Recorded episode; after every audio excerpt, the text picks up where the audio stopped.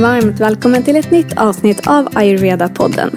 Här pratar vi om vad ayurveda egentligen är för något och hur den här kunskapen kan göra en skillnad för oss alla och vår hälsa. Syftet med podden är att låta ayurveda gå från något abstrakt och avlägset till något mer konkret och lättillgängligt. Och just det här avsnittet har jag längtat efter att få spela in och släppa ända sedan jag startade podden. Vi ska nu äntligen komma in på vad som menas med ordet panchakarma. Och det är ju något som har nämnts flera gånger i podden, dels av mig men också av ett flertal gäster. För när man börjar intressera sig mer för ayurveda kommer man så småningom att snubbla över det här. Och nu ska vi då alltså dela med oss av vad det egentligen är. Och det här avsnittet dedikerar vi till dig som har gjort en panchakarma, till dig som ska på en och till dig som är nyfiken på att få veta mer om vad det är för något.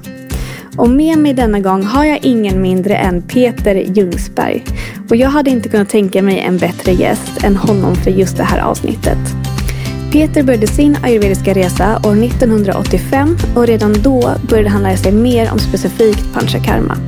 Han är utbildad ayurvedisk hälsorådgivare och har tagit emot över 7000 klienter. Och några av de vanligaste besvären som han har hjälpt andra med är mag-tarmproblem, smärta, stressrelaterade problem och sömnstörningar. Han har också haft många klienter på panchakarma-behandlingar. Han leder även kurser och seminarium om ayurveda och har bland annat föreläst regelbundet på Karolinska institutet och Uppsala universitet. Förutom all kunskap och erfarenhet som han har inom ayurveda har han även en fyraårig utbildning som psykosyntesterapeut. Och ja, det var verkligen en ära att få gästas av Peter till just det här avsnittet. Och I det här samtalet kommer vi gå igenom fördelarna med att göra en panchakarma. Det vill säga, vad kan du få ut av det? Vi kommer svara på frågorna varför ska man göra det, vem som kan göra det, när det passar bäst att göra det samt hur det går till. Det vill säga, vad är det egentligen man är med om när man genomgår en panchakarma? Och innan vi sätter igång med det här samtalet så vill jag bara nämna en sak som vi inte tog upp. Och det är att eh, det är rekommenderat att inte göra en panchakarma under din menstruation. Precis som jag och Dr. Tejal tog upp i ett tidigare avsnitt så rekommenderas man inte att göra någon typ av detox eller utrensning under menstruationen. Så om du har möjlighet att själv planera datum för din panchakarma, se då till att du är där ungefär mitt i din cykel. Och om det skulle vara så att du får en menstruation under din panchakarma så ska du meddela det till din ayurveda-läkare så att de kan anpassa behandlingarna utifrån det. Jag hoppas att du kommer finna det här avsnittet lika givande som jag gjorde. Jag som pratar heter Johanna Mård och nu kör vi!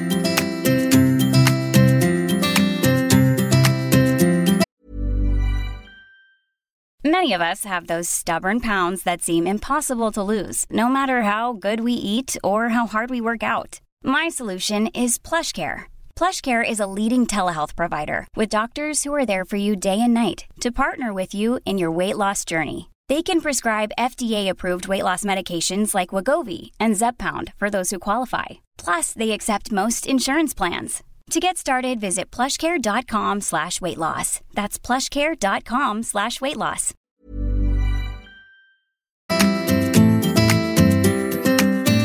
Varmt välkommen Peter Ljungsberg till Ayurveda-podden.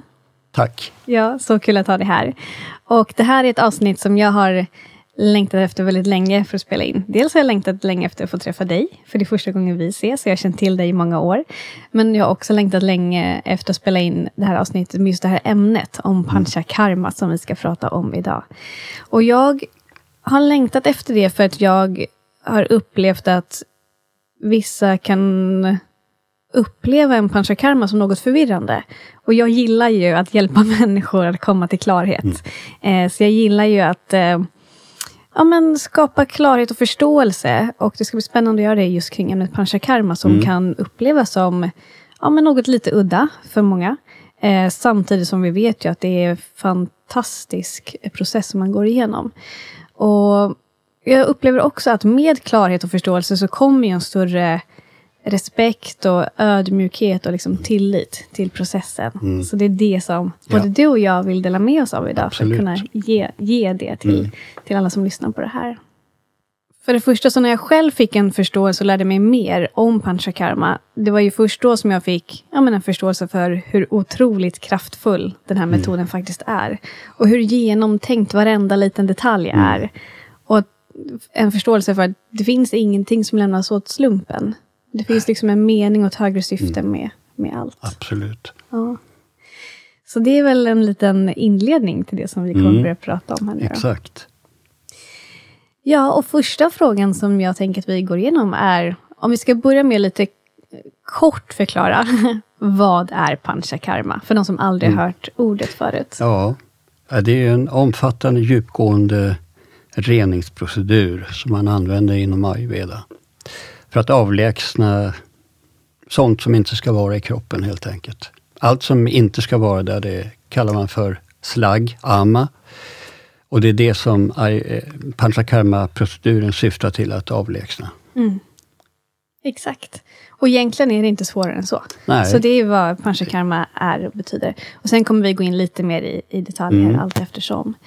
Men eh, så det är verkligen en djupgående reningsprocess av både kropp och sinne. Mm. Ska vi säga också. Absolut. Så att det är inte bara en detox inom situationstecken som rensar ut liksom mm. gifter och slagg och amma från kroppen, utan det är även en reningsprocess, reningsprocess rent mentalt också. I den, eh, alltså eterkroppen, mm. den astrala kroppen. Mm. Chakrasystemet renas också. Ja, det är så spännande. Mm. Ja. Och varför ska man göra en panchakarma? Liksom, vad är fördelarna? Vad kan man få ut av det? Och... Ja, det är just det. Om man vill eh, göra en rening som går på djupet och som är i samklang med hur naturen fungerar. För det här är ingenting som eh, går emot naturen, utan det är i harmoni med naturen. Vi lever ett konstlat liv i dagens samhälle som gör att eh, mycket av det vi gör idag inte är i harmoni med naturen. Så det som är i harmoni med naturen kan till och med ibland upplevas som främmande. Vi tycker att eh, till exempel bara en sån sak som att panchakarma tar tid. Det är en långsam procedur. Ayurveda är en långsam kunskap. Ingenting man kan forcera och lära sig snabbt genom att forcera genom en bok och tro att sen kan jag ayurveda. Utan det har med livet självt att göra. Och det här med att ta upp näring och att eliminera gifter är någonting vi är födda med att kunna. Men vi samlar på så mycket gifter idag så att eh, vi förstår inte ens att vi är förgiftade.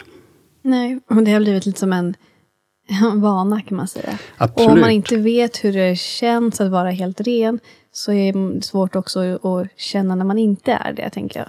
Exakt, och då mm. ser vi inte heller att vår planet, Moder Jord, är förgiftad. För har vi gifter här inne så ser vi, då är det naturligt att det är gifter där ute också.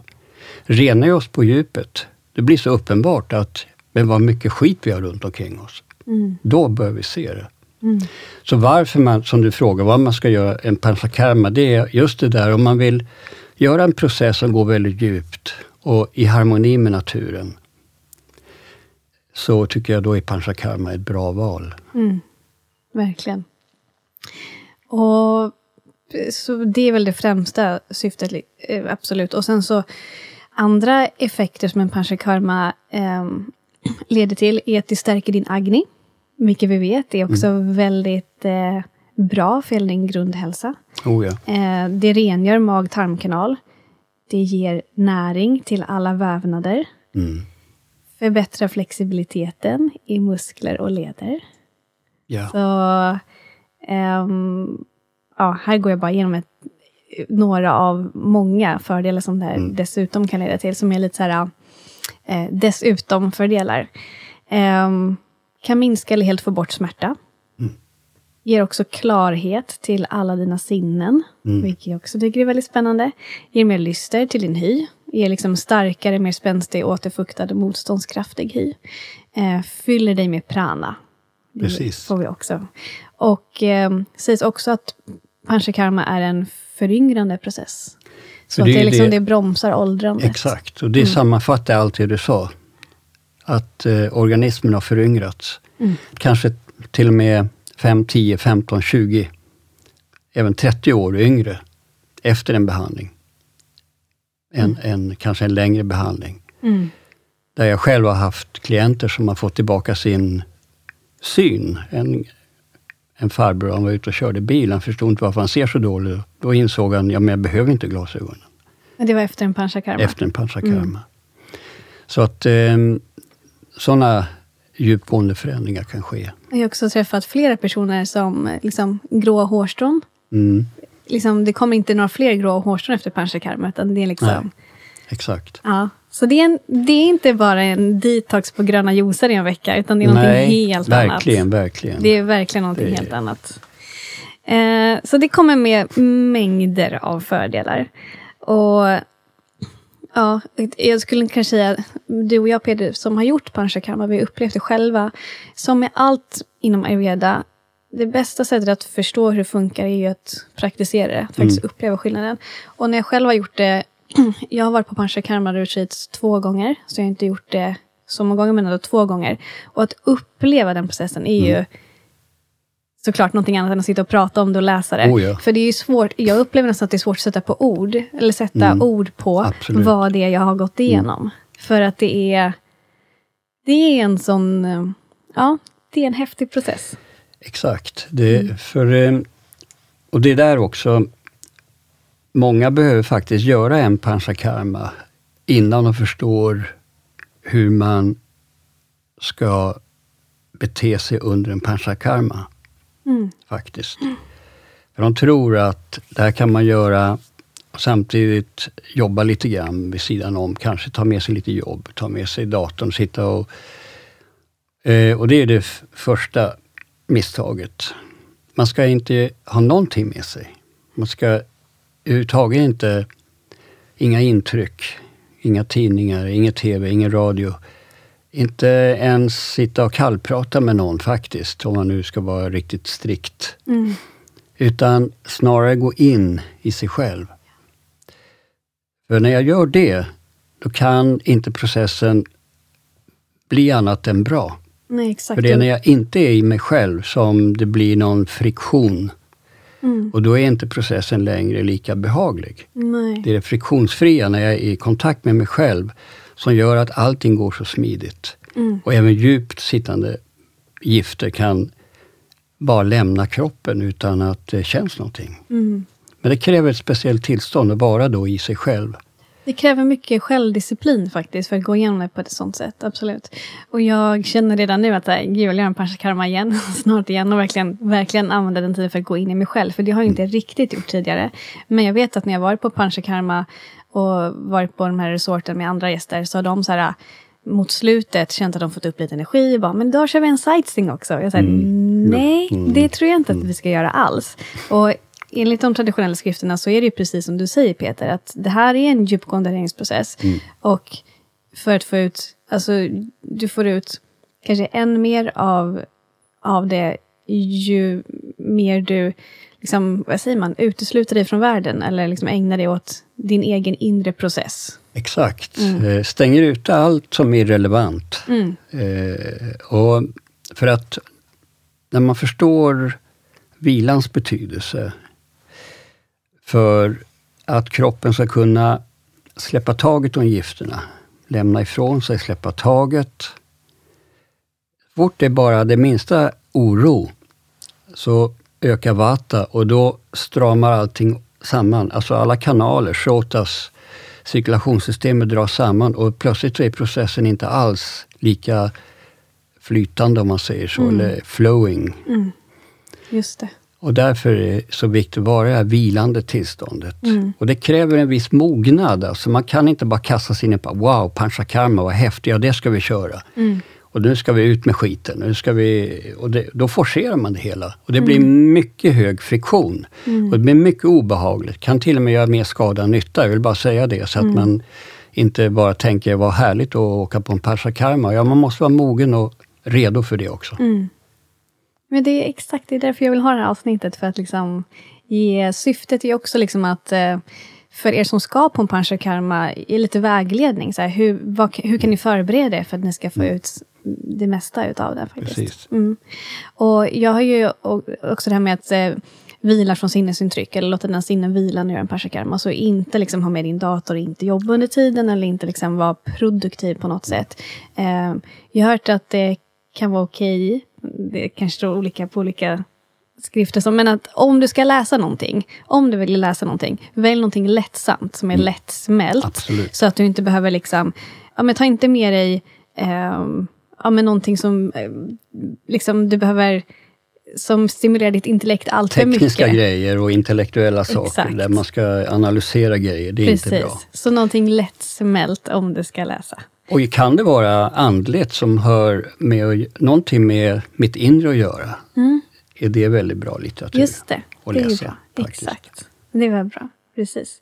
Och hur ofta och när ska, inom citationstecken, ska man göra det, eller är rekommendationen? Ja, eh, de, i texterna står det att det är bra att göra det vid varje årstidsskifte. Just det. I Indien är sex årstider. Så. Ja, just det, det är sant. Aha. Men här så blir det då fyra gånger per år. Mm. Men det, det, tror jag inte någon klarar, eller det, det är lite för mycket. Ja. Men då eh. kan vi också bara kort berätta eller förklara varför är rekommendationen att göra vid årstidsskifte just? Ja, det, vid alla sådana skiften då sker det förändringar i fysiologin. Där det då tenderar att byggas upp slagg. Och det gäller ju framförallt mellan vinter och vår. Där vi har vår, vårstädning eller fasta på våren, som eh, när det är kaffe också. Och där vi i islossningen, det här inre flödet upp, där vi kan öppna upp och hjälpa naturen i den processen. Där är kanske bästa tillfället för oss på de här breddgraderna att ta en panchakarma. Mm. När det blir som nu ungefär, fast mm. kanske ännu lite längre fram, april, maj, mm. när det blir lite varmare. Eller hur? Annars lite det... också, jag tänker på det som du sa, att när det är mycket vata så är liksom på ett sätt så mycket vata gör inte att det flödar lika mycket varshotas. Så Nej. därför vill vi hellre göra en panchakarma när det blir lite varmare och inte mitt under vintern. Exakt, man kan ju hålla sig varm under vintern också, men, men eh, det är bättre på sommaren. Mm. Så är det. Mm. Eh, sen tycker jag väl att bästa tidpunkten för en panchakarma, det är när jag har tid och kan ägna mig åt den i lugn och ro. Mm. Och har tid både före och inte minst efter ja. behandlingen. Mm. Så jag inte ska direkt till jobbet dagen efter. Utan det där kan man säga är väl en bra prioritering för mm. oss att tänka så. att Exakt. När jag har möjlighet och tid Precis. och ger det plats ordentligt i mitt liv. Men det tycker jag också. Att, eh, eller tycker, men det är vad jag har förstått.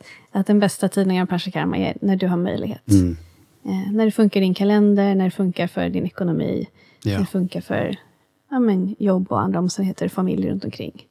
Så när du har möjlighet, Precis. unna dig en panchakarma. Och när du känner dig redo. Jag tror också att det kan vara som med panchakarma, att har man inte gjort det tidigare, har det kanske varit så att man inte gjort det av en anledning. För att, som du säger, det är lite så här, när man är redo så kommer man bli mer nyfiken, mer kallad Absolut. och möjligheten kommer dyka upp. Det kan vara så också. Det här har med min eh, Eh, en slags inre andlig process att göra också med. Alltså när vi kopplar till vårt inre som är Veda.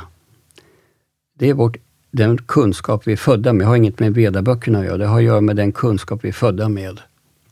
När vi kommer i kontakt med den så blir vi vägledda inifrån. Och Då kan det bli väldigt tydligt att jag får en förståelse, en känsla, framförallt en intuitiv känsla av att jag behöver rena kroppen. Och så många saker händer i livet. Vi vägleds dit vi ska. Mm. Och plötsligt står jag där och håller på att boka in mig på en panchakarma-behandling. Mm. Ja.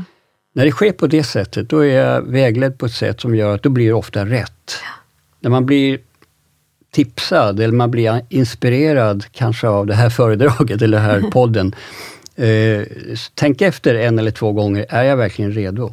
Ja bästa är inte att dra iväg med full entusiasm, nu ska jag köra, köra igång en panchakarma. Det låter inte som att jag kommer göra på rätt sätt. Jag kommer ha lite för bråttom. Mm. Mm. Ja, och för, för vem skulle du säga att panchakarma passar? Ja, det finns inga restriktioner egentligen, men eh, visst, om man, är man allvarligt sjuk, visst, då kan man ju... Då är det inte panchakarma jag behöver i första hand. Eh, jag menar, panchakarma är ju för sjuka, mm. men en akut sjukdom som kanske kräver en annan behandling. Gravida kvinnor. Eh, om jag är väl, hög ålder, där, där eh, faktiskt eh, också kan fundera på om den här reningsprocessen verkligen gagnar mig och min kropp. Det finns lite, annars så inga, finns det inga restriktioner, utan varje behandlingstillfälle kan anpassas till klientens, patientens utgångspunkt, behov. Man kan göra en mild behandling för någon som är svag i syfte att rena milt. Mm. Ja, men bara när vi gör detox idag, man får ju fundera för det första över, om man har läst lite om ayurveda, vilken kropp ska vi detoxa? Är det en vata, pitta eller en kaffakropp? Mm. Och det är helt olika förutsättningar. Verkligen, verkligen. Mm. Så egentligen, gravida ska inte göra en paschakarma. Och annars, och sagt, akut sjuk. Um, och precis som du sa, inom ayurveda så behandlar man ju individen snarare än symptomen. Så varenda panchakarma kommer se olika ut beroende på vem det är som, ja. som får en panchakarma. Precis. Och, eh, men är man väldigt, väldigt sjuk så kommer ju ayurveda-läkaren i främsta hand liksom se, kanske stärka upp dig något först innan du gör en panchakarma. Ja, är... För att genomgå en panchakarma, det kräver att du är att du har en viss styrka, både fysiskt och psykiskt, för att orka gå igenom det. För att det är en process som det, ja, men det tar. Det är, lite, det är lite krävande att gå igenom det. Men Verkligen. som sagt, om du är väldigt stark, då kommer ju ayurveda-läkaren eh, förstå att du klarar av kanske lite tuffare panchakarma, mm. vilket kan vara väldigt, väldigt hälsosamt för dig om du har den styrkan. Men är du inte så stark, jag har ju varit på panchakarma retreats där det har kommit människor som precis är klara med sin kemoterapi och är, alltså de är mm. väldigt, väldigt sköra. Men de får en panchakarma, men då en mildare version av det. För att ayurveda-läkaren ser vilka behandlingar kommer den här kroppen och psyket mm. klara av. Mm. Och Exakt. när de går därifrån så är de ju, alltså det, mm. jag har träffat människor som just gjort panchakarma efter eh, cancerbehandling och de kommer dit väldigt sköra när de åker därifrån. Alltså både, alltså det är som att mm. hyn och ögonen, det glittrar om ja. dem.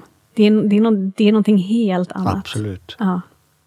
Jo, jag har varit med om det också. Det är verkligen fantastiskt att se hur, vilken, vad, hur ayurveda kan supporta det friska inom oss. Exakt, för det är det som är det primära syftet med ayurveda. Mm. Att supporta det friska. Ja. Mm. Och det händer så naturligt. Mm. Verkligen.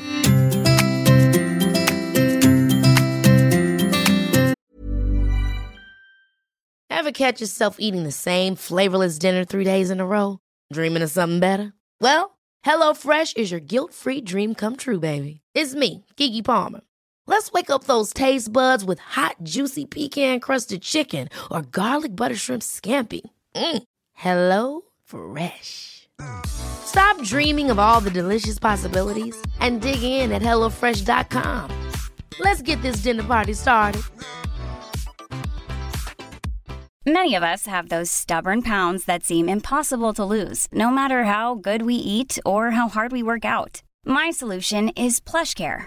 PlushCare is a leading telehealth provider with doctors who are there for you day and night to partner with you in your weight loss journey. They can prescribe FDA-approved weight loss medications like Wagovi and Zepbound for those who qualify. Plus, they accept most insurance plans. To get started, visit plushcare.com slash weight loss. That's plushcare.com slash weight loss.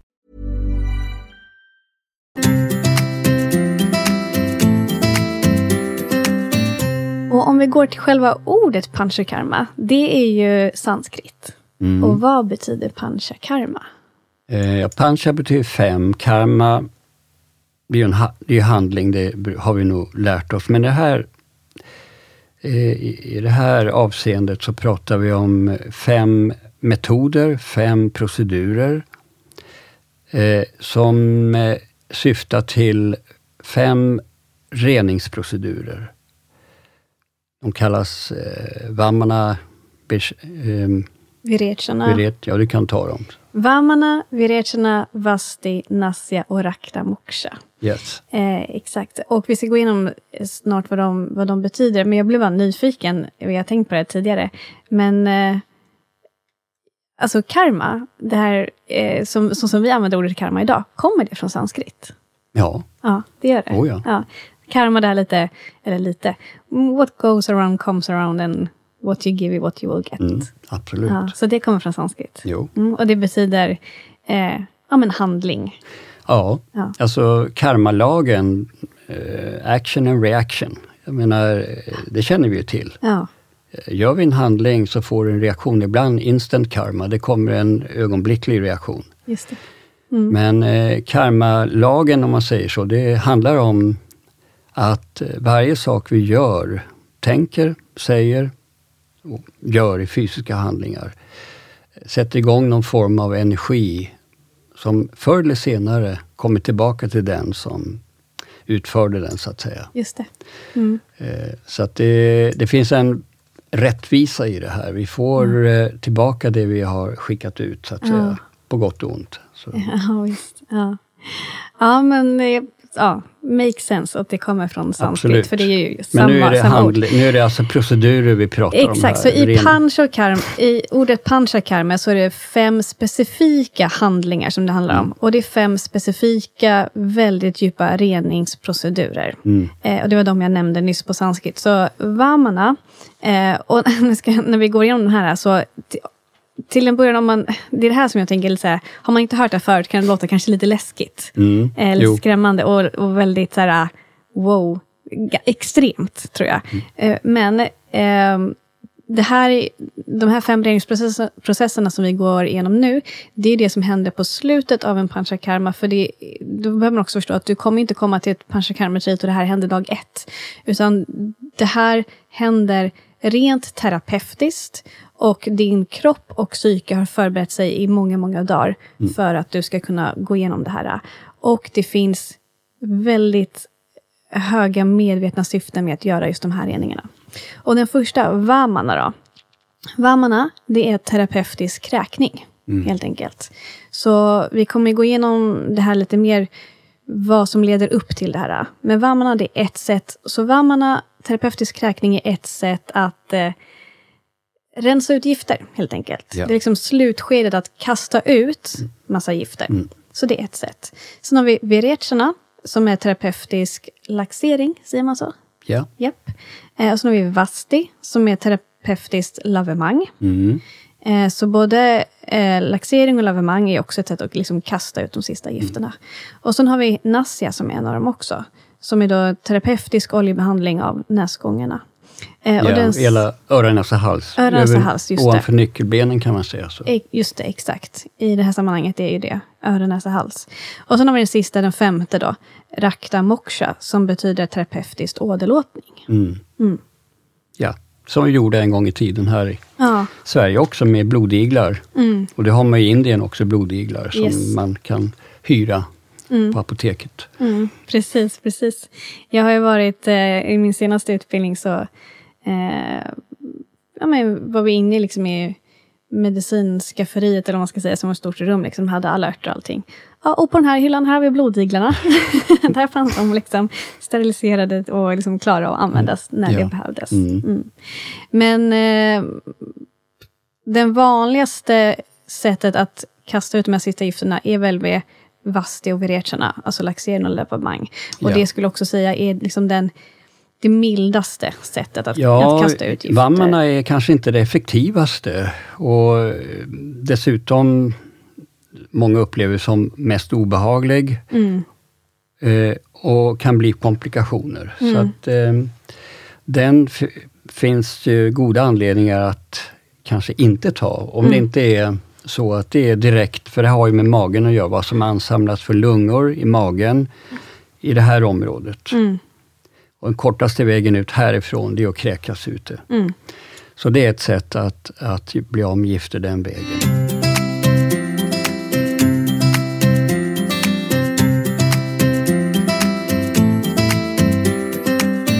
Så, då har vi gått igenom just panchakarma, vad, vad det betyder egentligen. Mm. Eh, och när man kan göra det och varför eh, och för vem det passar och så vidare. Så nu ska vi gå igenom lite mer då, hur går, liksom, hur går hela processen till Mm. egentligen? Ja. Ehm, och man brukar väl säga att en panchakarma, ehm, det jag har hört är att rekommendationen är 14 eller 21 dagar. Kan vara mindre, kan vara mer. Ehm, men jag tror att om man bokar in sig på en panchakarma ska man i alla fall räkna med 14 dagars process. Och sen som du sa Peter också, sista dagen på panchakarma, är liksom att veta, det är inte att så dagen efter går upp sex på morgonen och liksom kör rakt in i din vardagsrutin igen, utan ge det liksom en, en smooth transition in i din Absolut. vardag. För Mm. det kommer också göra att du får ut mer effekt av det här. Eh, Det är en grej. Sen också, själva processen kan vara i 14 dagar. Men effekten av behandlingarna verkar i hur länge efteråt, skulle du säga? Ja, det är flera veckor alltså. Så att, eh, men man kan inte hålla på bara på efterbehandling i flera veckor. Men att, Nej, eh, nej, nej, men jag, tänker, jag tycker att det är häftigt. För Mm. när jag fick göra min första panchakarma så fick jag veta att okej, nu har du varit här i 14 dagar, Mm. men behandlingen kommer fortsätta verka i flera veckor efteråt. Så att det jag fick höra var att här, du är väldigt ren nu, men du kommer vara ännu renare om tre, fyra veckor. Mm. Jo, för Ja. att eh, reningsprocessen fortsätter ju. Den Precis. som har satts igång. Ja. Jag ska Och bara säga när det gäller behandlingar här i väst, då har vi inte lika långa behandlingar. Mm. I allmänhet så har vi det kortare, men jag skulle säga mer eh, kanske koncentrerat. Just det. Så att det blir eh, en eh, kortare och kanske effektivare eh, procedur på det viset. Och eh, många västerlänningar, okej åker man till Indien eller åker till Sri Lanka eller någonstans, då kan man säkert, det är ju semester, man tar 14 dagar eller tre veckor, en månad. Men om man ska göra det här i väst så eh, kan man faktiskt få ut väldigt mycket av en behandling bara genom att fredag, lördag, söndag vara på en klinik och få en behandling och sköta sen för och efter behandling hemma. Just det. Eh, kan ge väldigt mycket. Alltså. Så att, eh, och då mm, är det mer anpassat till oss västerlänningar naturligtvis. Men faktiskt också att det är mer, jag ska säga effektiv behandling till och med. Men då, och då tänker jag också att de här förbehandlingarna med själv hemma är en Ja, såklart väldigt värdefull och viktig del i, i den processen då också. precis. Ja. Och där får du ju väldigt exakta instruktioner vad som gäller för den förbehandlingen. Och framförallt när man är hemma, just då att undvika jobb för mycket. Man kan sköta lite av det, men eh, inte allt för mycket. Dra sig in i framförallt aktiviteter som är bara sätter igång sinnet så att säga. Och, och även kroppsligt, utan vila. Exakt. Mental, fysisk vila. Och jag tänker också så här, vad som händer rent praktiskt, vad som händer med kropp och sinne när man gör en panchakarma är att man först blir man man bryter ju ner kroppen och s- sinne lite först. Och inte att syftet är att bryta ner, men det är det som händer när vi börjar lösgöra mycket ama. För vi alla människor har ama som sitter fast i våra shrotas, i kanaler. Precis. Och när vi börjar liksom behandla för att lösgöra det, Mm. så kommer du bli helt slut i princip.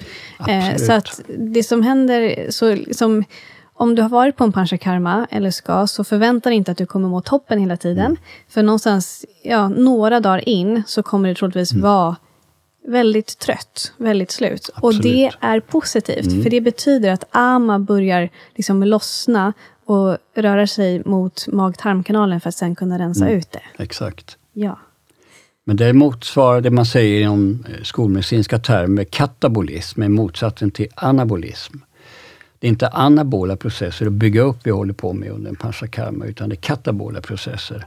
Och då gör vi oss av med substans, ama alltså, vilket är det som är syftet med det hela. Och det är en slags nedbrytningsprocess som du säger.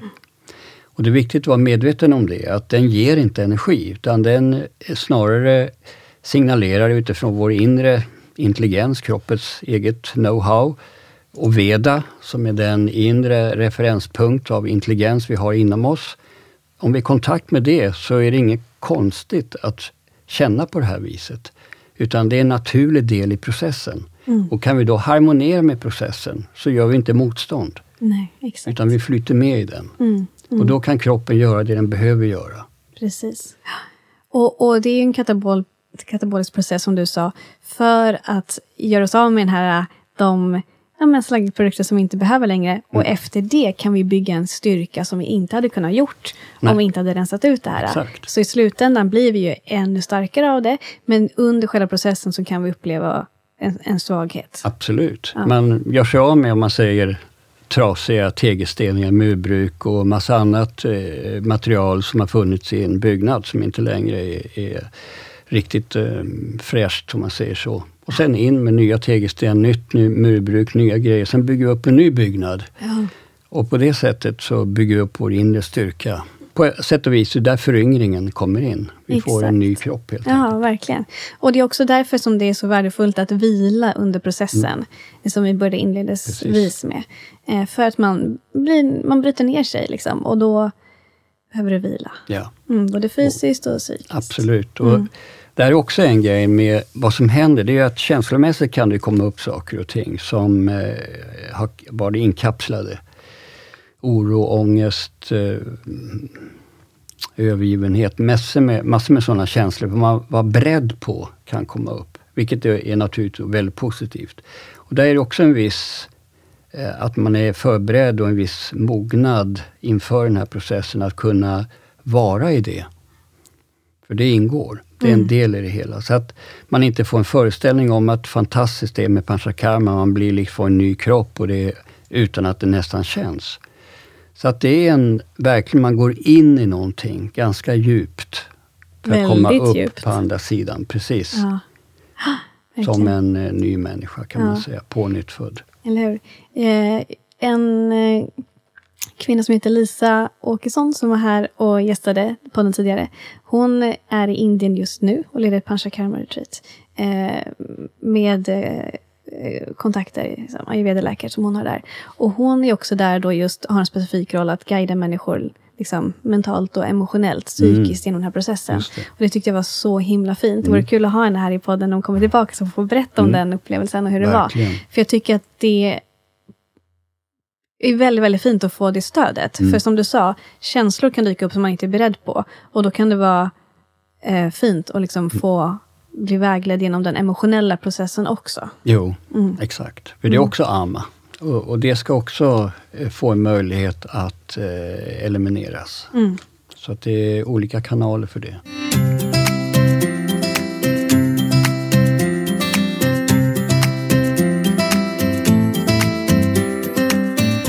Så det första som händer när man eh, ska påbörja sin panchakarma retreat är att man får en konsultation med en ayurveda-läkare eller en väldigt erfaren ayurvedisk hälsorådgivare. Precis. Det är det första som händer. Och det är eh, superviktigt. För att det är där och då som du får ditt individuella behandlingsschema. Eh, så har du inte en konsultation så vet ju inte de som ska behandla dig vilka behandlingar du ska få. Nej. Så om du och fem vänner åker på Panchakarma retreat så kommer ni inte få samma behandlingar. Nej. Eftersom att inom ayurveda behandlar man individen. Eh, så det är det första som händer. Så då har du fått ditt individuella behandlingsschema och det inkluderar olika behandlingar, mediciner och eh, kostschema. Mm. Eller hur? Någonting Jo. jag har missat? Nej, Nej. precis. Ehm, och sen eh, de här behandlingarna, eh, många av de mm, typiska panchakarma-behandlingarna är ju faktiskt väldigt härliga. Det är härliga Absolut. massager och Oh, det är ja. varma oljebad. Det kan vara ångbast eller örtbad. Mm. Eh, shirodara, som är när man ligger på en massagebänk och får en eh, varm sesamolja i pannan som en mjuk Mm. stråle. Alltså det är ju det är ju väldigt, väldigt härliga behandlingar. Ja, de allra flesta är Verkligen. Helt fantastiskt. Ja. Så det är också, gör att det blir väldigt, många gånger väldigt skönt, lätt att bara njuta under behandlingarnas gång också. Ja. Men här tycker jag är en spännande grej, för terapeuterna som ger behandlingarna är ju ofta andra personer än personer som gav din konsultation. Det är ju sällan ayurveda-läkaren som ger eh, behandlingarna. Men de här terapeuterna då, eh, enligt traditionella ayurvediska skrifter så ska terapeuterna vara experter. Eh, och de ska vara akademiskt utbildade och praktisk erfarenhet av utförandet. Och det tycker jag påminner mycket om, eh, om vi går till västerländsk medicin. Om du ska genomföra någon typ av För det här är ju inte liksom massagespa, utan när du gör en panchakarma är det mer som på ett ayurvediskt jag vill inte säga sjukhus, men hälsocenter. Snarare, ja, ja mm. det är någonstans däremellan. Mm. Um, så om du träffar en läkare här, eh, eller en sjuksköterska, eller, eh, ja, eller en eh, fysioterapeut, så är ju de experter, de är akademiskt utbildade och de har praktisk erfarenhet. Mm. Samma ja. som de här terapeuterna Precis. som utför panchakarma. Mm. Men dessutom, terapeuterna som utför panchakarma ska även vara rena själva. Mm. Så de ska vara rena i sin fysiska kropp och lika viktigt att de är rena i sinnet. Mm. Först då kan du ge en annan människa de här panchakarma-behandlingarna. Och det skiljer sig från terapeuterna Verkligen. här i väst.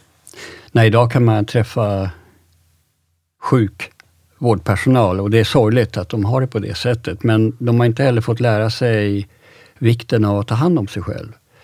Inom ayurveda är så viktigt att förstå det att om jag inte tar hand om mig själv så har jag inte det att erbjuda som är det viktigaste hos mig själv. Man kallar sattva, så det är en kvalitet som eh, är renhet och ärlighet. Det, det, har den typen av kvalitet. Det har med etik, moral, eh, vad jag äter, hur jag lever, vad jag tänker och känner. Alla de där sakerna har betydelse. Och de har stor betydelse när du ska behandla en annan Absolut. människa i så här djupgående reningsprocesser. Oh ja. Mm. Exakt. Så att det har en, en avsevärd betydelse. Så därför så är terapeutens tillstånd eh, lika viktig, alltså hur terapeuten mår är lika viktigt vad terapeuten gör, om man säger så. Absolut. Och vad terapeuten tänker Absolut, alltid. innan och under behandling har också en, en, en, påverkan. Som mm. de terapeuter vi har här i Sverige, de som jag känner idag, alltså de de har ju lärt sig meditera och att meditera regelbundet är en del i det hela. Att ta hand om sig själv. Att man följer en sattvisk livsstil, äter vegetariskt och så vidare. De här sakerna har stor betydelse för hur sen resultatet blir, vilka energier som kommer ur mina händer och ur det jag utstrålar. Det jag utstrålar har alltså betydelse för, för klienten. Så det bildar en helhet. Patienten och två terapeuter. Det är inte alltid att det är två terapeuter, men det är om man säger Rishi Devata Chandas. Det är eh, tre aspekter av eh, verkligheten, så att säga, som, som då samspelar i den här processen. Så det är en helhet i sig. Mm. Där klienten är en del av den helheten med två terapeuter. Mm. Och i det har vi ju Veda. Vad vi kommer i kontakt med när vi gör den här behandlingen är ju Veda. Eh, det är ingenting som har med sinnet och intellektet att göra. Veda, det är det vi är. Och när vi kommer i kontakt med Veda, så kommer vi i kontakt med stillhet. Veda är, man kan säga, kunskapens röst som är lika med stillhet, lika med själens visdom. En kreativ intelligens som finns i djupet av vårt medvetande. När vi kommer i kontakt med det och både terapeuterna och klienten är i kontakt med det, då kan det hända magiska saker. Mm. Verkligen utan ansträngning. För det, mm. det handlar inte om att forcera någonting, det handlar om att låta någonting få ske. Ja. Som är på ett väldigt djupgående plan. Och då behövs ingen ansträngning, utan det är som om det finns specifika lagar som sköter det. Liknar det här med flow, som vi känner till. Att med minimum av ansträngning få mycket utfört. Det är det som händer. Och då krävs det viss kvalitet på de här och även på, på klienten. Klienten förstår att vad är det jag gett mig in på? Och hur ska jag för mitt eget bästa samverka med de här terapeuterna och i den här processen från början till slut. Och förstår jag det, då kan det hända väldigt, väldigt djupgående saker. Och det är mm. det det kan vara så att för en del är, behövs det en panchakarma-behandling för att, att, gå igenom den för att sen förstå, okej, okay, nu förstår jag vad, vad det handlar om. Mm. Ja men faktiskt, verkligen. Jag tycker det är så fint det du säger, att det handlar inte om att forcera, utan det handlar om att låta någonting ske. Exakt. Och, ja, blir... och det är inte jag som sköter det här, utan det är mm. då man kopplar upp sig på veden, någonting högre, en högre intelligens, en djupare syfte. Om det får vägleda mig, då kan det inte leda till någonting annat än någonting mycket, mycket bättre. Och det kan jag inte räkna ut själv.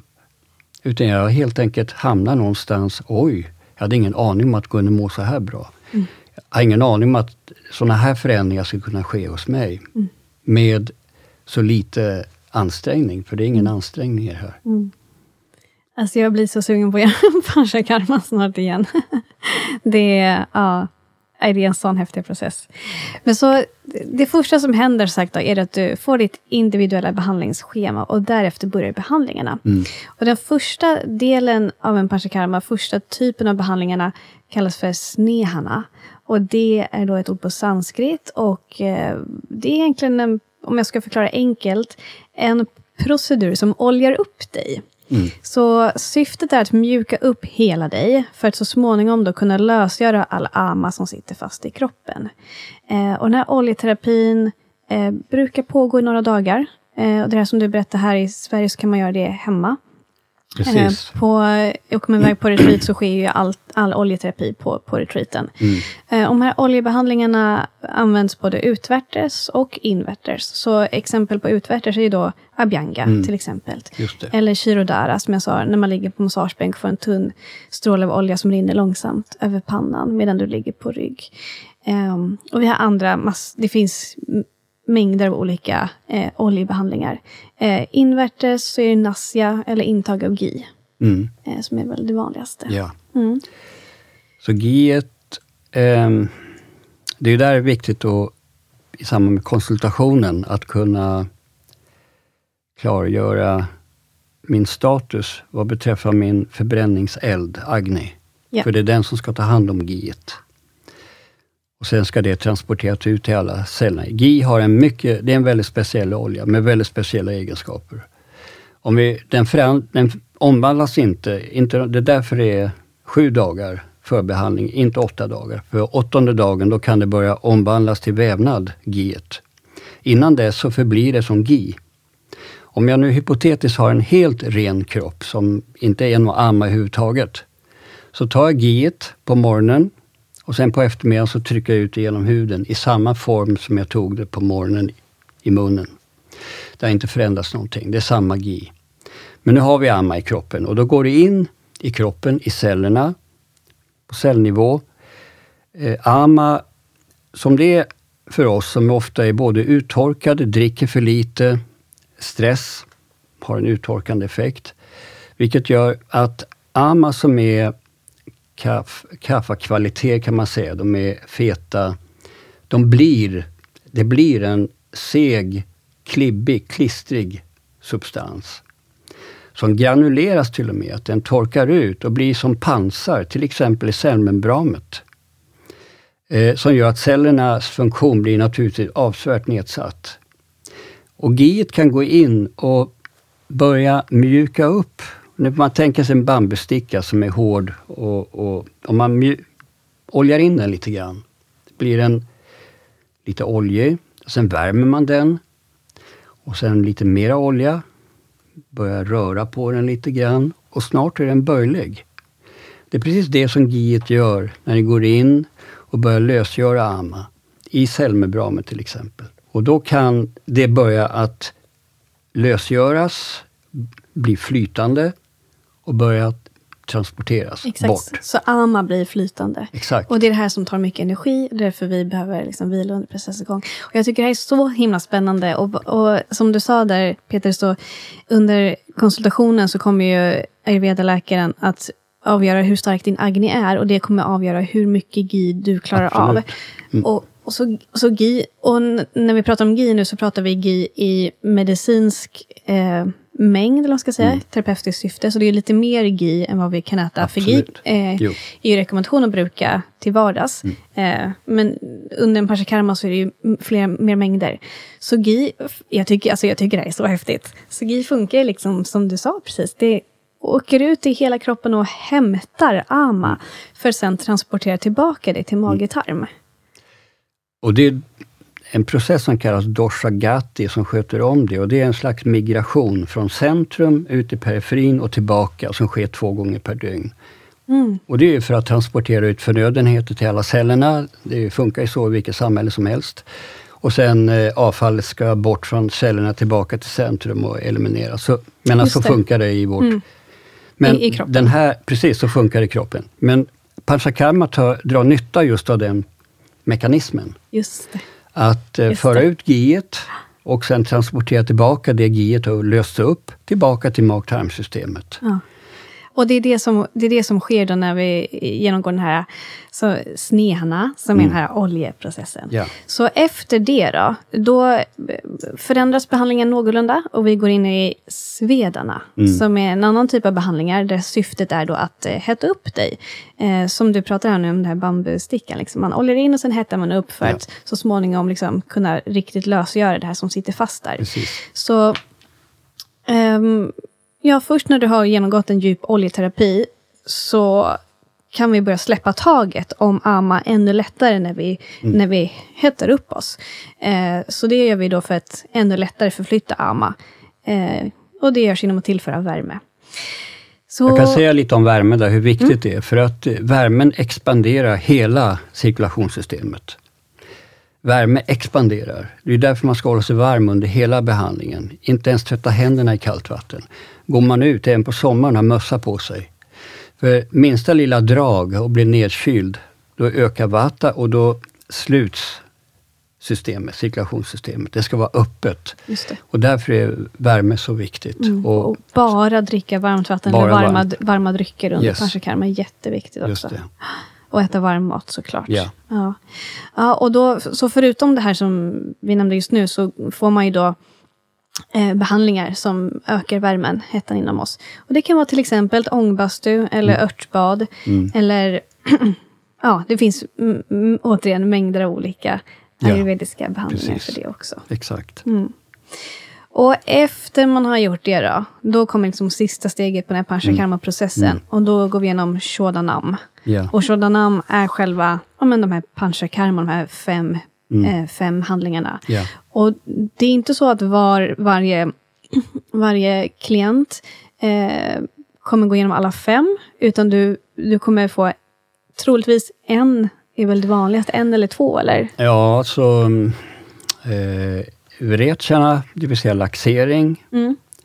eh, basti, eh, som är lavemang, det får alla. I alla fall som vi, som vi ger det. Ja, men det är Eh. precis, de får, nå, de får nå alla. Och eh, det som har mobiliserats i övre delen, det jag pratade om förut, det kan vi kräkas ur, men nu gör vi inte den och då väljer vi att den mellersta delen, det är tunntarmen. Det är där vi kan laxera ut. Och då drar det med sig gifter från lever och galla och Precis, de omgivande organen. Exakt. Så, Påverkar huden i hög grad. just det, så när GI har hämtat eh, toxiner, gifter AMA och liksom drar tillbaka det till magtarm, så samlas ju mycket i då tunntarm, tjocktarm. Ja. Eh, och, men skulle, jag kan tänka mig att eh, vammarna, är inte lika vanligt, men har man en person eh, där ayurveda-läkaren märker att okej, mycket amma verkar ansamlas i magsäck och runt lungor, då sker vammarna istället. Men det vanliga är väl att det så ansamlas liksom i, runt tunntarm och, och Jag vet de som har gjort vammarna och det som har kommit ut har varit mer eller mindre ja, som klister. Ja. Och det kunde inte komma ut på annan väg Nej. helt enkelt. Och det var väldigt välgörande för den, i det här fallet, kaffepersonen. Mm, ja, men precis. Ja. Men virecharna är alltså det här med levern, de flesta har ju en leverbelastning, alltså att vi får i så mycket toxiner och annat. Så att virecharna är fantastiskt i det avseendet och inte minst för huden, som lever och hud och tunntarm hör så nära ihop och pitta och huden hör nära ihop. Ehm, ja, jag ska inte föregå dig, men... eh, Nej, men du, du Ja, helt sen, på min bana. när vi, när vi, jag kan bara utgå lite grann från hur vi, vårt upplägg här i, i väst då, så kanske skiljer sig lite grann att vi, vi har inte viretjärna varje dag utan det har vi eh, som påbörjan på huvudbehandlingen efter sneharna, efter GI-behandlingen. För att flusha ut det som då GI har lösgjorts. Och eh, sen har man ett antal vilodagar där man äter lättsmält föda, eh, risvatten och rissoppa, eh, risgröt och så vidare. Därefter så påbörjar den yttre behandlingen, eller huvudbehandlingen i form av eh, abhyanga, oljemassage. Det kan vara andra former av massager också. Och eh, sedan så kommer svedanan och bastin. Och det upprepas varje dag då som vi körde, att det är eh, abhyanga, sveda, basti varje dag. Och då är ju abhyangan till för att ut, på ett mera utifrån, genom ett specifikt rörelseschema, mobilisera amman i riktning mot mag-tarmsystemet. Eh, för att sedan nere i, i tjocktarmen genom lavemanget flushas ut ur kroppen, lämna kroppen den vägen. Och det här upprepas då eh, varje dag, den proceduren. Det går djupare för varje dag som går. Och när du säger varje dag, hur många dagar ungefär? Ja, ja om man nu ska ta västerländskt hur vi kör det, så kan det vara tre, fem, sju, tio dagar. Mm. Så att eh, det, det, det är den längden som vi har på behandling. Och det kan vara fantastiska resultat bara på tre dagar. Mm. Så att, eh, och går man in för det med det vi sa förut, med rätt attityd och förståelse och så vidare, så kan man få ut väldigt mycket av en kort behandling. Har man inte det så kan man hålla på en lång, lång behandling och inte få ut någonting. Det kan till och med göra mer skada än nytta. Mm. Så att du förstår så vikten av att med rätt attityd ta sig an behandlingen och vara i rätt läge, rätt tillstånd. Mm. Visst. Mm. Så också det här med eh, virecherna, eh, som är eh, laxering då. Det är ju särskilt gynnsamt för att eh, balansera pitta, eller Mm. hur? Jo, Eh, och sen är det också så, har man gjort virecherna så ökar ju det vata något, eller hur? För all typ av rörelse ökar Mm. vata. jo. Så det är också därför det är bra att efter det avsluta med eh, lavemang. Ja. Eh, och då gör man ju det med medicinsk olja. Precis, det är två olika typer av lavemang. Ett som är eh, vätskebaserat, en som är oljebaserat. Och det ger varannan dag då. Just så genom en tre, exakt. tre dagars behandling så Mm. börjar och slutar med en oljelavemang, oljebasti. Och mellandagen där, då är det sådana som är då örtbaserat. Just det, som en Som decox, eliminerande, decoction. precis. Ja, Exakt. ja, just det. Och då får vi ut rejält med, med, med där kan man och klienterna kan känna en så markant skillnad efter just den bastin också. Mm. Och upprepar man det fem dagar, då får man två sådana stora bastin. Vilket kan göra ännu större. Men det är viktigt med det här sådana att det är också att lugna ner eftersom det är vattasätet i tjocktarmen. Så får man inte bara ösa på och, och rensa, rensa, rensa. Det kan ju också, också göra mer skada än nytta. Måste också lugna ner. Och då är oljan, eh, en, en, eh, ofta med dashmula, örter då, eh, inkokta örter i den här sesamoljan. Väldigt, väldigt vattabalanserande, vattapacificerande, lugnande. Mm. Eftersom det är lugn och ro som är det som är grundförutsättningen för att kroppen ska kunna göra det den ska göra på ett djupare plan. Mm.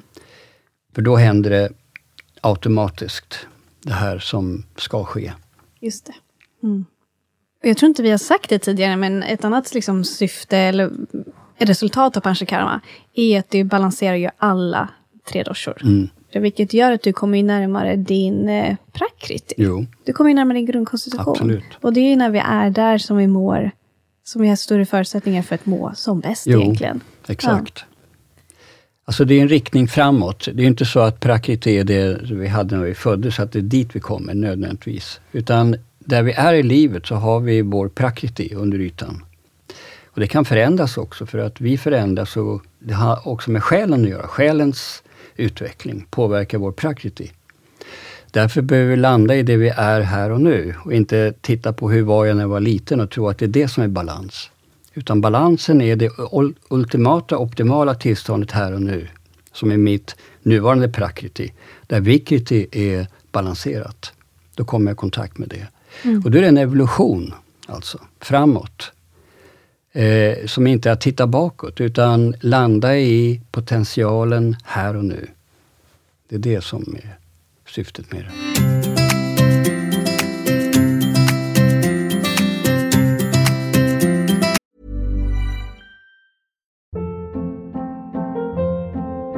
Hold up. What was that? Boring. No flavor. That was as bad as those leftovers you ate all week. Kiki Palmer here, and it's time to say hello to something fresh and guilt-free. Hello Fresh. Jazz up dinner with pecan-crusted chicken or garlic butter shrimp scampi. Now that's music to my mouth. Hello Fresh. Let's get this dinner party started. Discover all the delicious possibilities at hellofresh.com.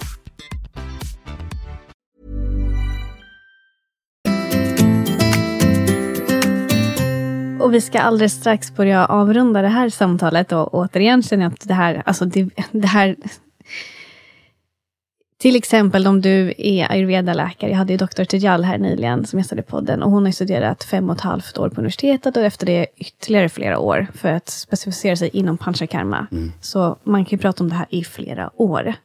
och ja, säkert faktiskt. flera liv. Absolut, jo verkligen. Och nu har vi eh, pratat om det en timme. Mm. Och på den timmen har vi delat med oss av eh, ja, men, egentligen, liksom, ja, men, vad är det, varför ska man göra det och strukturen för hur det går till. För det hoppas jag kan liksom ge lite mer klarhet till. Mm. Okej, okay, det är det här jag kommer gå igenom. Eller aha, det var det där, jag, det, var det där som jag gick igenom. Det var ja, det som det. hände mig när jag var där. Precis. Um, så det är väl det som har liksom...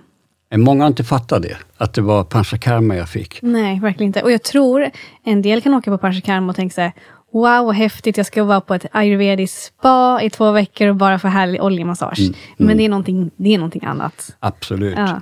Nu är det många eh, som har anpassat till västerlänningar, så det blir inte panchakarma. Att de kallar det panchakarma, så man blir lurad lite grann och mm. tror att det var panchakarma. Men de här delarna vi har gått igenom nu, och inte minst basti, lavimanget, vilket man ofta vill då eh, förskona västerlänningar att få för att de inte ska ha en dålig erfarenhet av den här Indienvistelsen. Oj då, så fick jag lavemang på slutet. Oj, hur ja, pinsamt som helst. Ja, men faktiskt lite så är så, det. Ja, men det är en viktig del av Nej, en... viktigaste. Alltså, den viktigaste Vasti av... Vasti kan enligt en av de ayurvediska urkunderna, Charaka Samhita, eh, bota 100% av vata-sjukdomarna. Mm. Och eh, då förstår man ju, eftersom det är tjocktarmen där vattasätet är och därifrån uppstår de flesta vattaproblem. Vi vet ju idag kopplingen mellan vatta och sinnet med neuropeptider och signalsubstanser som finns i tjocktarmen. Och tarmens nervsystem, hur det är kopplat till centrala nervsystemet. Mm. När vi förstår de kopplingarna förstår vi vilken stor betydelse vattasätet eh, har för vår psykiska hälsa också. Och om vi får vår vata-dosha i balans, så tenderar pitta och kaffe att liksom hitta sin plats med, också. Absolut. Ja. Så att det är en, ja, den viktigaste delen av en pashakarma. Och återigen, du kan inte liksom sätta dig på ett ayurvediskt center och bara titta på vilka behandlingar de har och bara, ah, idag ska jag boka en Vasti. Utan du behöver göra de här liksom förberedande oljeterapierna, hetta upp dig och, liksom, och gi.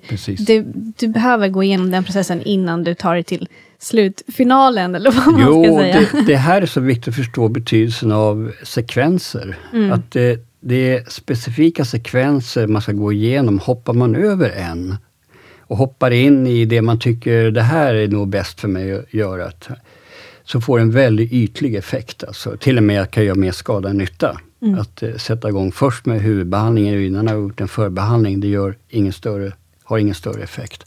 De sekvenserna, förstå från början till slut vad en paschakarma är för någonting i olika sekvenser och förstå de olika, varför de finns där, av en anledning och sen förstå betydelsen av att man tar det seriöst när man, mm. när man gör behandlingen och förstå varför man gör det här. Mm. Varför jag får de här behandlingarna. Det finns ett mm. syfte med det, ett högre syfte med det. Verkligen.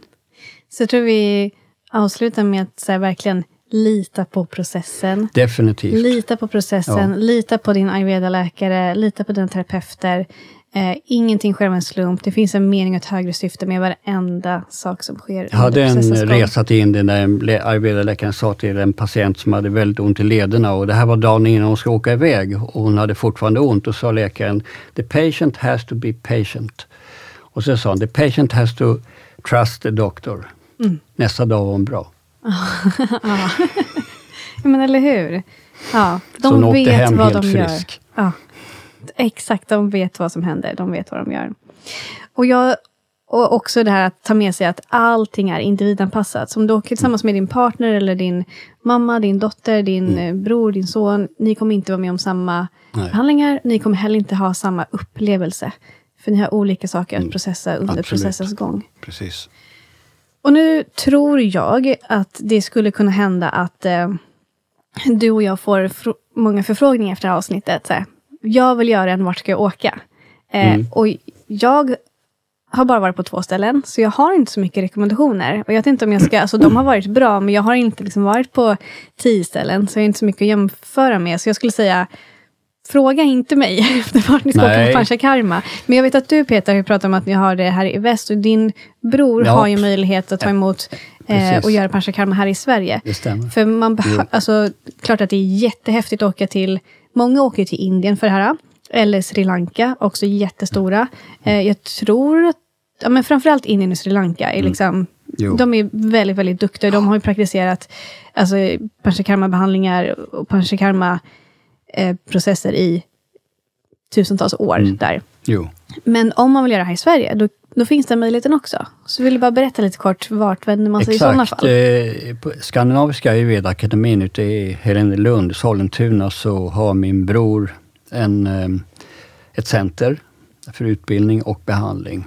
Och där kan man faktiskt boka in sig. Nu är det ganska lång kö, så att, eh, men att eh, eh, det är där det finns. Mig vetligen förmodligen enda stället i Sverige där man kan få en mm. sån här omfattande behandling. Mm. Inte bara massage, utan he hela, alla sekvenserna. Exakt, exakt. Och alla sekvenserna behöver vara med för att det ska vara en riktig panchakarma. Ja. Och Svenska Ayurveda-akademin. Skandinaviska. Skandinaviska, bra. Skandinaviska Ayurveda-akademin.se. Eh, ja, Eller? Eh, jag tror det räcker att googla på eh, eh Ayurveda-akademin mm. Helenelund, så kommer man direkt till ja, hans bra, hemsida. Sen vet jag att du Peter, uh, vi har också, vi pratade lite innan om att det finns möjlighet att åka till Tyskland och göra det där till ja. exempel. Har du varit? jag har inte varit där, men jag skickar klienter dit. Okay. Och eh, de har varit väldigt nöjda. De kommer hem och är positiva? Absolut. Ja. Det finns ett Bad Ems på ett, ja, får säga lyxhotell, men det är alltså standarden på de behandlingarna med legitimerade läkare som är utbildade i ayurveda. Och dit jag skickat svenska läkare som har varit sjuka, som jag känner att jag vill skicka till någonting bra. Mm. Och de har blivit helt bra. De har varit supernöjda med behandlingar och maten och mottagandet mm. och kvaliteten på terapeuter och inte minst att de träffar kollegor, läkare som är legitimerade läkare. Mm. Och som de är så ovana att se här i Sverige, att man kan jobba som legitimerad läkare med andra saker. Just det. Som vår lagstiftning inte tillåter. Än. Ännu. ja. ja, men så det finns ju möjlighet att göra det. Ja. Um, och, uh, men jag tror att det kan vara bra. Uh, man kanske hittar någon som har gjort någon. Det är alltid fint att gå på rekommendation. Jo, men rekommendation är bra, för att uh, har man någon man litar på som var nöjd, så, så är det väl sannolikt att man åker dit själv. Så. Mm, exakt.